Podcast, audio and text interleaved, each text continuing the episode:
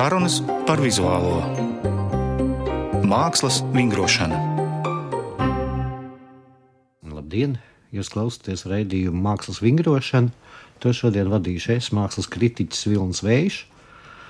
Manas viesņas šodien studijā ir mākslas kritiķe un Normūna Naumaņa balvas laureāte Santa Hirša un māksliniece Ance Eikena. Labdien! Ance Eikena būs kāds varbūt iepriekš manījis kā Ance Vilnīti, tā ir tā pati persona. Un mēs šodien parunāsim par vairākām tēmām, bet kā iemeslu mēs esam izvēlējušies Ances izstādi, kas ir skatāma galerijā Luk. Galerija ir ģetrūdas ielā, tūpī avotu ielas. Ja kāds nav bijis, iesaku apmeklēt. Jo man jāatzīst, ka galerija pēdējā laikā, vai faktiski kopš dibināšanas, mēdz stādīt priekšā publikai jaunus māksliniekus, jau drusku zināmus māksliniekus tieši tajā brīdī, kad būtu labi ar viņiem iepazīties plašākai publikai. Nu, un šobrīd tur ir izvērsusies Ants. Es saku, izvērsusies tādēļ, ka telpa nav liela, bet ekspozīcija ir iekārtota nu, tā no grīdas līdz griestiem.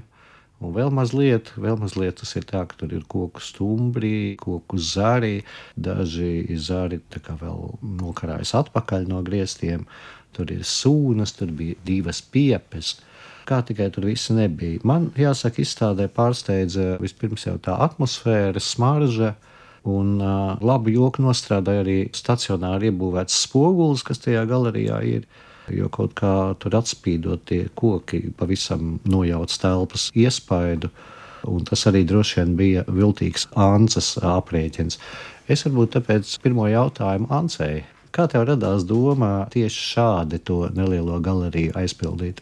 Jāsāk ar to, ka izstādes iespēja man radās trīs mēnešus pirms atklāšanai vajadzēja būt, un zināju to, ka varbūt to, ko šobrīd gribētu padziļinātāk pētīt, es nevaru. Es domāju, kas ir kaut kas, ko es šobrīd gribu un ko es varu iedot. Un tas laiks arī sakrits tajā rudens periodā. Tobrīd vēl bija tās vasaras beigas, kad vēl bija šī saulīta spīd un vēl, vēl ir zaļās lapas. Un visam šeit zināju tā sajūta, ka tu zini, drīz viss būs drūms, būs tumšs. Un man bija arī nedaudz bail no šī perioda. Nu, vienmēr ir.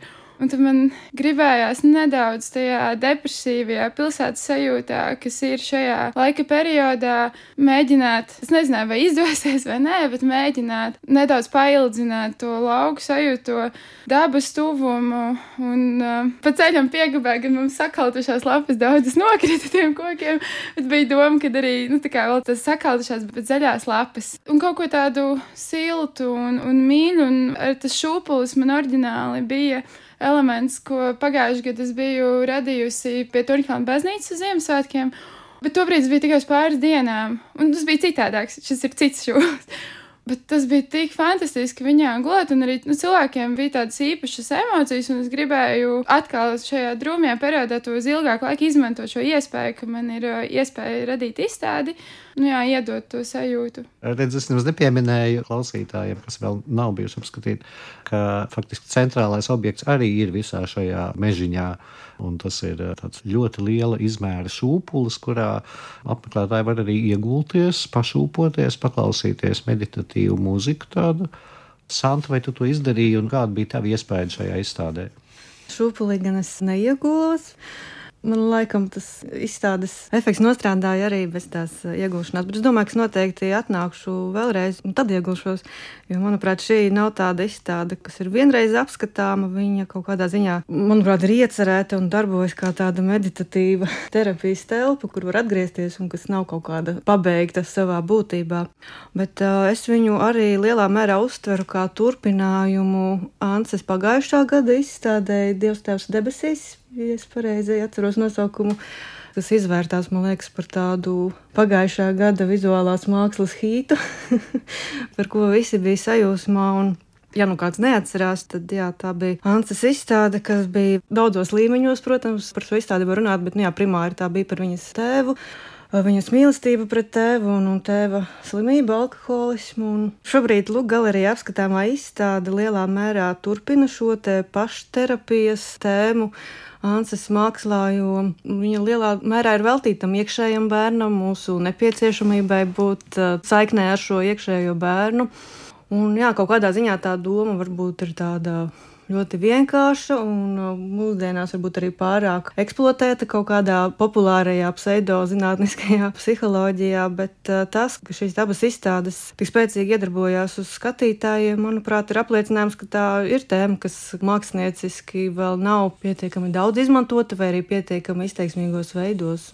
Un šo izstādi es redzu jā, kā tādu turpinājumu šim sevis meklējumiem, gan mākslā, gan ārpus tās. Un, jā, man liekas, arī tas spogulis, ko tu pieminēji, kas pirmkārt jā, strādā tā kā tāds interesants telpisks elements, viņš vienlaikus ir arī, liekas, tāds psihoanalītiski ļoti spēcīgs simbols. Tad pēkšņi atduries pret to savu spoguļu attēlu.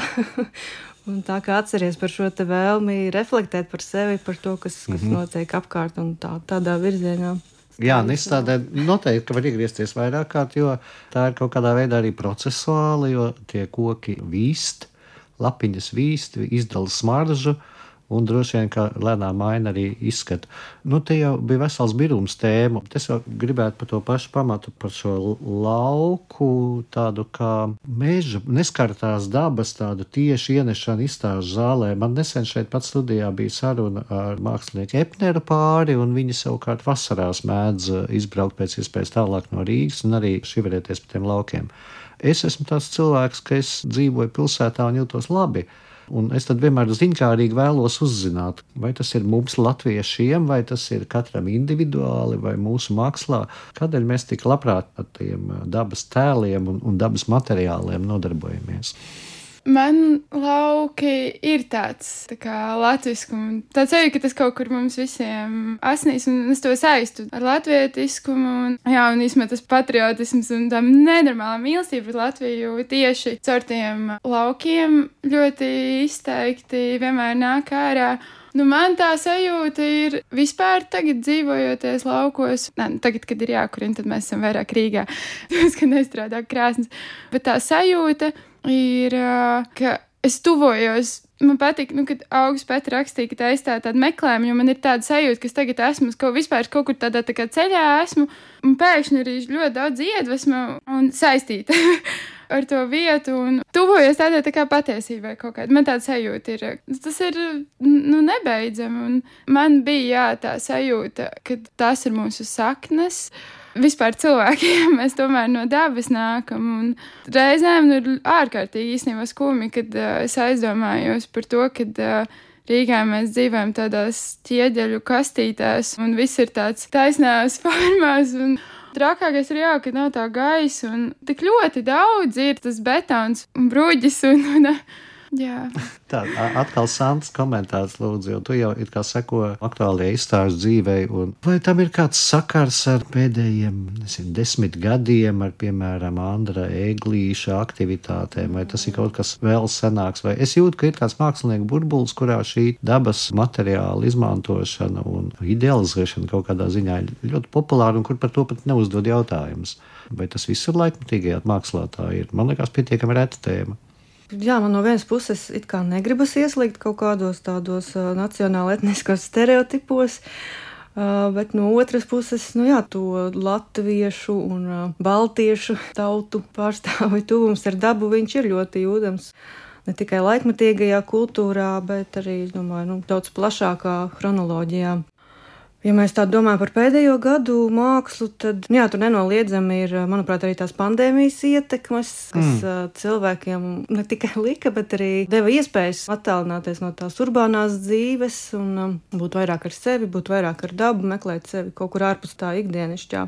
Bet, ja, tā, ja mēs domājam tā tīri par mākslu, tad um, Es domāju, tas ir novērojams ne tikai pēdējo gadu mākslā, bet arī, piemēram, 90. gados nu, kad principā aizsākās laikmatīgā māksla tajā jēdziena nozīmē, kādā mm -hmm. mēs to šobrīd lietojam, tad, protams, visas šīs pedvāles akcijas, ko rīkoja Soras mūsdienu mākslas centrs vai arī izstādes Rundāles pilī un, un arī Nacionālajā mākslas muzejā, kas bija pilnas ar dažādām mega instalācijām, kas bija veidotas no kaut kādiem mm -hmm, dabas mm -hmm. materiāliem. Un, Un tas viss ir bijis, protams, ar mazliet citiem uzsveriem. Es domāju, ka tajā laikā tā bija vairāk tāda nemāksliniecisku mākslas materiālu meklēšana, un pats šis žests eh, bija nozīmīgāks. Nu, izstādīt eh, mākslas telpā kaut ko tik vienkāršu kā koks vai salmi vai kaut kas tāds. Nu, respektīvi, tajā uh -huh. laikā varbūt tā vairāk bija tāda daļa no māksliniecisko izteiksmes līdzekļu meklējumiem, bet vienlaikus arī jā, šī vēlme rīkot kaut ko ārpus tradicionālajām mākslas institūcijām, arī tie paši zoslēni bērnu reģistri, mm -hmm. uz kuriem atsaucas arī Eglītis savā savvaļā. Jā, tas iespējams ir kaut kur uh, latviešu māksliniekiem uh, diezgan uh, dziļi iekodēta šī vēlme kaut ko darīt ārpus tā mākslas establishmenta. Mm, jā, un arī laikam piekrīt, ir tāda gara tradīcija, un man liekas interesanti, ka jaunākās paudzes mākslinieki jau pat nevar zināt visu, kas tur ir iepriekš šajā līnijā izvietojies. Bet man vēl precizējoši jautājums Ancei. Piemēram, tu teici, ja trijās nedēļās vai trīs mēnešos. mēnešos, mēnešos bija jāizveido šī izstāde, vai varētu būt arī kāds cits materiāls, ko var šādā apjomā vienkārši dabūt vai Tādai Nā. lielai instalācijai. Man bieži liekas, ka tur ir arī. Ja ir nauda, ja ir nauda, noteikti. Bet uh, man arī tāpēc, ka es savu dzīvi sāku tēlniecībā, es esmu tik daudz atkritumu sarežģījis ka man pilnīgi ļoti svarīgi ir, lai tas, ko es rādu, lai tas ir pēc tam pārstrādājams, mm. un lai tas ir izmantojams, jo tas man no sākuma galīgi negāja. Vēl joprojām nu, neiet tādā ziņā, ka man nav tāds izstādes, kur uh, es pēc tam kaut ko nopelnu. Tā kā tās nav glāzes vai grafiks vai kaut kas tāds, bet, bet vismaz nav tā, ka tas viss ir jāved uz atkritumiem. Jo es varu daļu var kurināt, daļu var izstādīt laukos. Tas būtiski.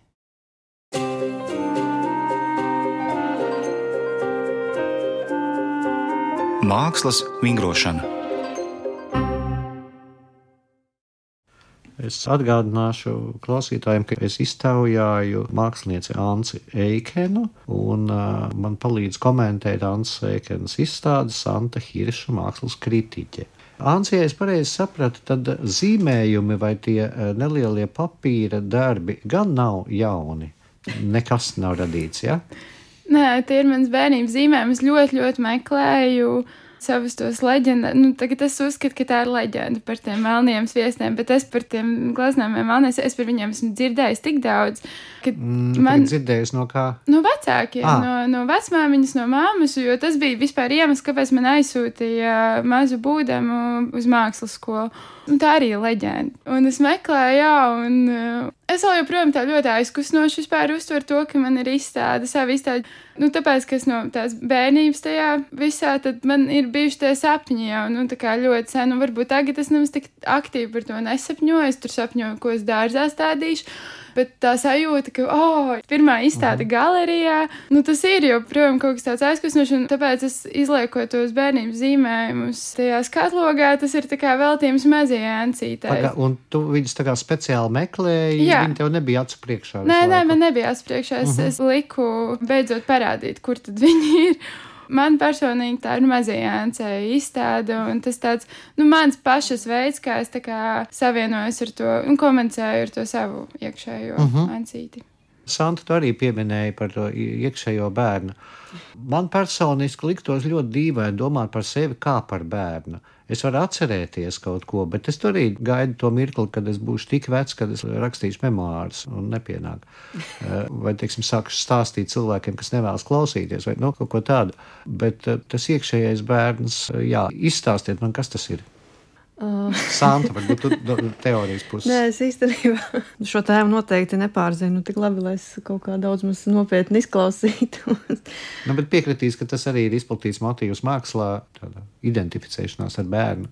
Mm, es nezinu, cik tas ir izplatīts mākslā. Man drīzāk šķiet, ka tas ir kaut kas, par ko modernajā psiholoģijā diezgan daudz, mm -hmm. daudz runā. Bet, nu, jā, manas zināšanas par to ir diezgan nu, virspusējas. Nu, mākslā, es domāju, tādā ziņā, ka bērnu māksla tika kaut kādā jau modernismu laikos pieskaitīta primitīvai mākslai. Jā. Un tāpat kā dažādu tautu mākslai. Nu, jā, ja mēs atceramies Jānis Drabiņa tur ilustrācijas baltajā grāmatā, šis te it kā ar bērna roku vilktās līnijas, tur tiešām ir gara šlepe, tāda veida bērnišķīgošanai, nu, aiz zariņa pa vidu tur nemaz nav šaubu. Bet eh, man reizēm arī tā mulsina, jā, bērnu grāmatas, kas ir it kā atdarinot bērna skatījumu un spējas Jo, cik es sev atceros, man vienmēr ir patikušas pieaugušo grāmatas.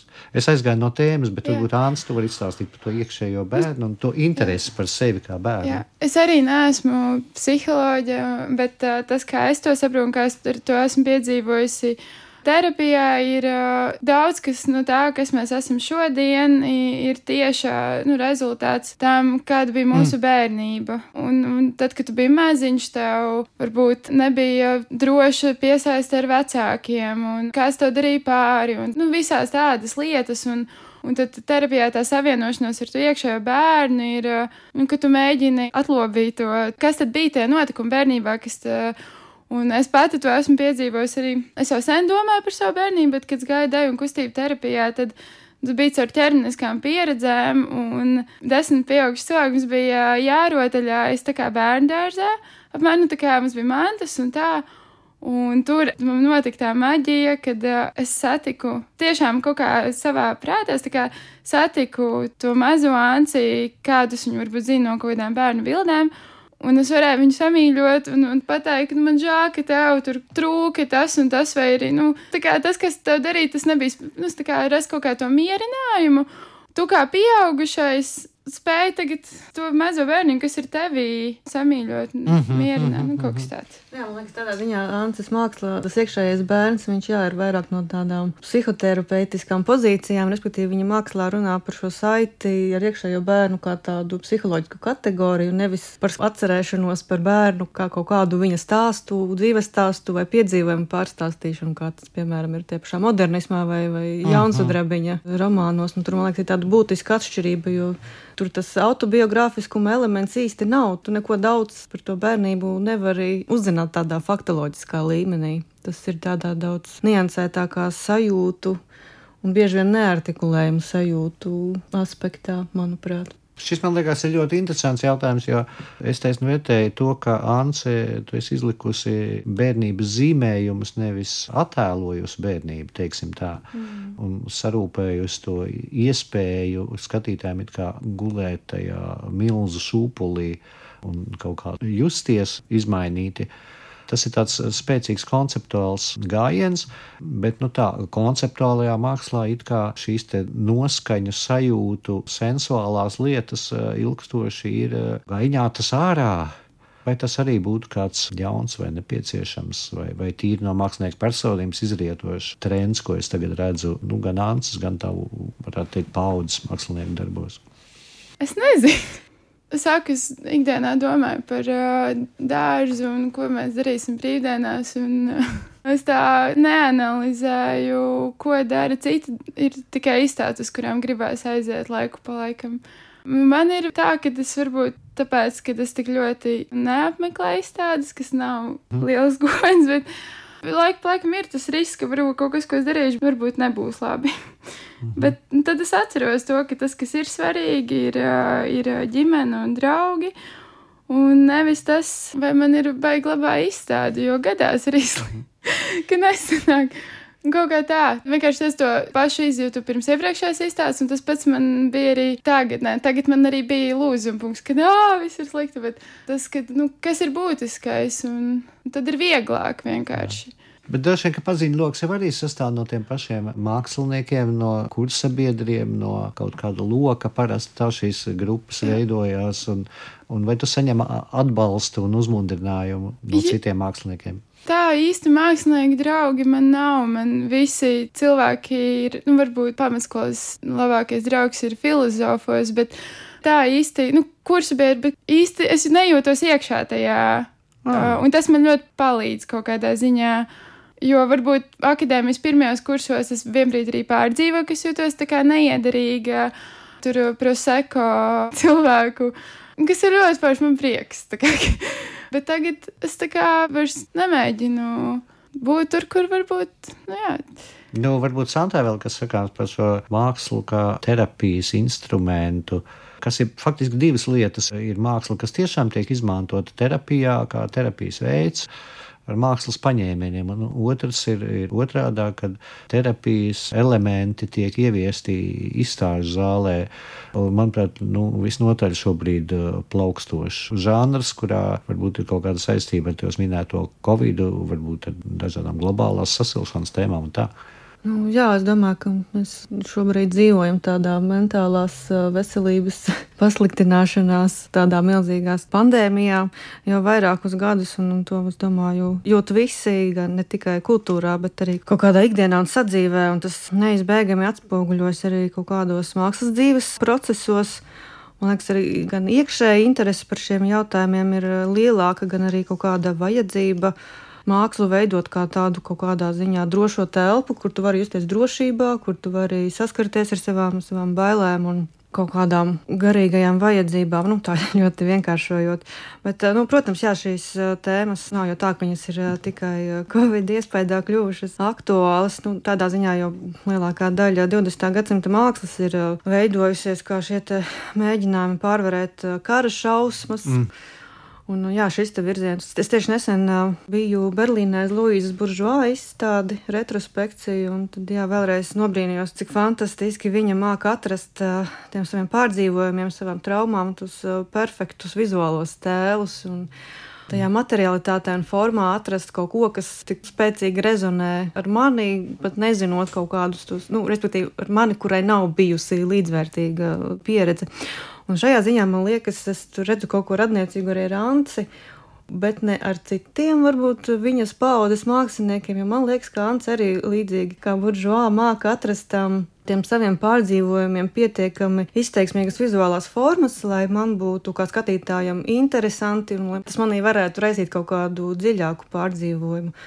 Un, jā, šajā ziņā man liekas, tā pirmā izstāde likās mazliet spēcīgāka, jo tur laikam arī tas kontrasts starp to bērna mīlestību un, un, un alkoholismu kā slimību. Viņš bija tik tāds nospriegots, ka viņš vienkārši nevarēja neaizkustināt, bet nu, tas Anses vizuālais stāsts nevienā brīdī nekļuva tāds plakans vai pārāk vienkāršs vai pārāk stāstošs. Tur tiešām bija gan emociju īstums bija klātesošs, gan arī šis mākslas terapeitiskais aspekts, ka viņa strādājot ar šīm vizuālajām lietām lietām, viņa spēja to visu pacelt daudz augstāk par tādu vienkāršu emociju pārstrādes procesu. Mm -hmm. nu, lūk. mm -hmm. Bet, uh, ja salīdzina āci ar um, tādiem nosacītiem viņas paudzes māksliniekiem, tad jā, es piekrītu, ka tā nosacīta jaunā paudze ir ļoti, es atvainojos, narcistiska.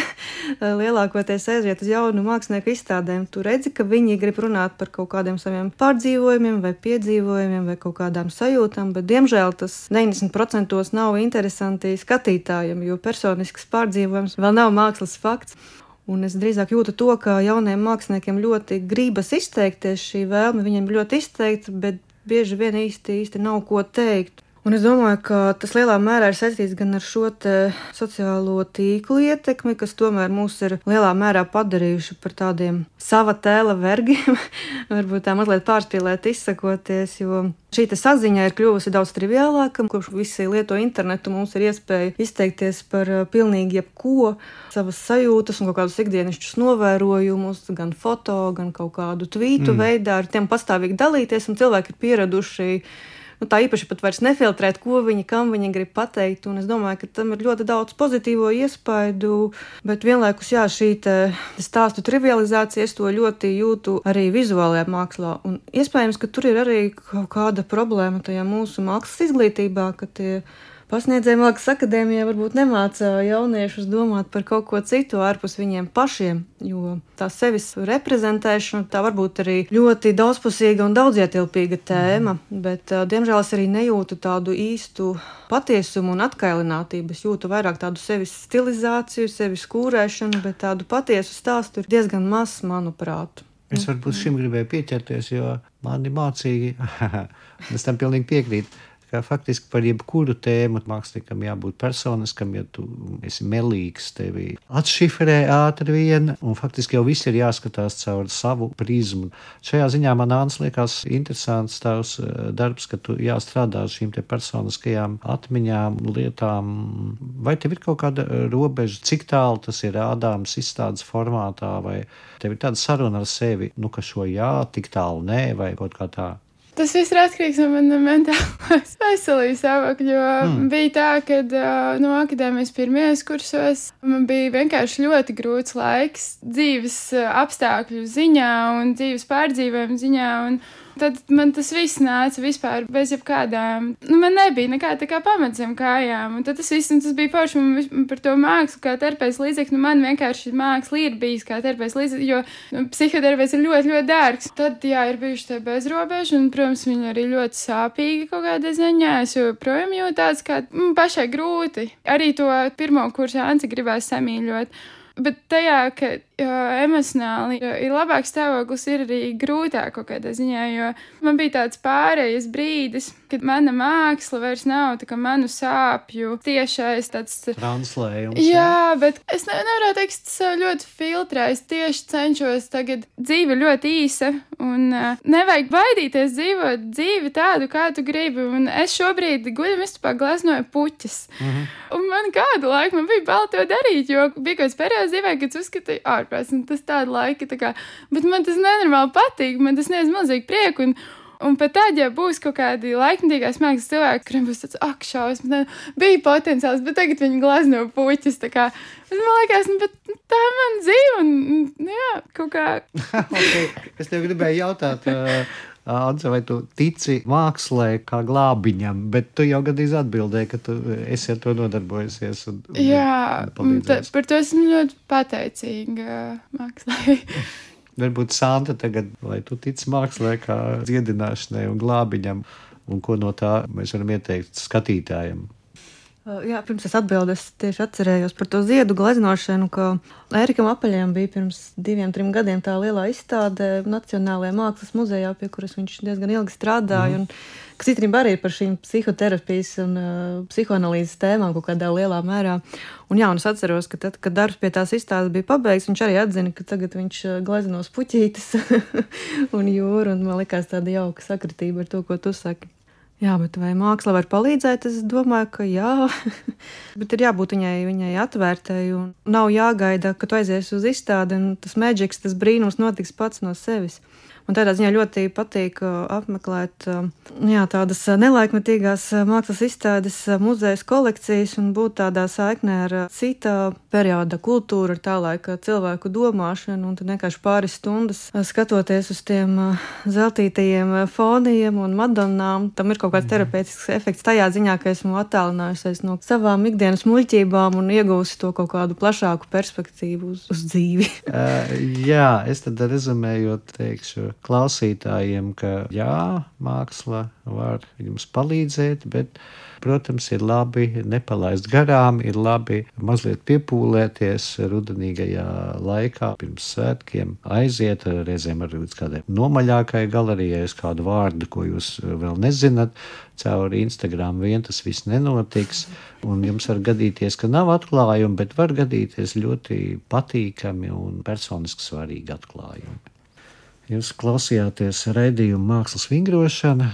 To vadīja Esvilns Vējš, manas studijas viesis bija māksliniece Āns Eikena un mākslas kritiķis Santa Hirša, raidījuma producenti Ieva Zeidmani.